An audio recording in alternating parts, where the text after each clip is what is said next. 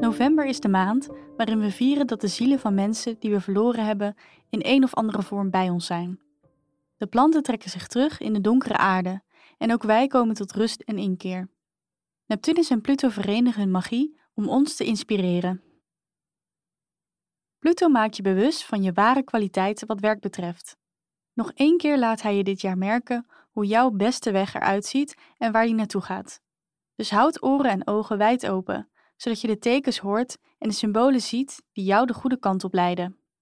Neptunus zegt: zoek het niet op het materiële vlak, maar kijk of er plaatsen zijn waar je dienstbaar kunt zijn aan mensen of dieren in nood.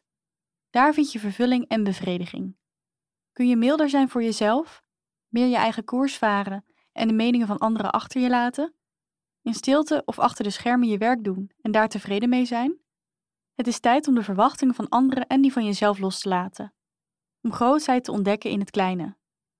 De maand november kan een keerpunt betekenen. Misschien houd je eindelijk op met vechten voor erkenning tegen beter weten in. Misschien komt opeens dat mooie toeval op je pad, waardoor alles op zijn plaats valt. En loopt je hoofd soms toch nog over, zoek dan de stilte op.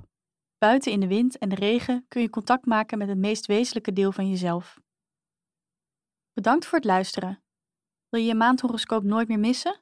Vergeet dan niet om je te abonneren op ons kanaal. Liefs, happiness.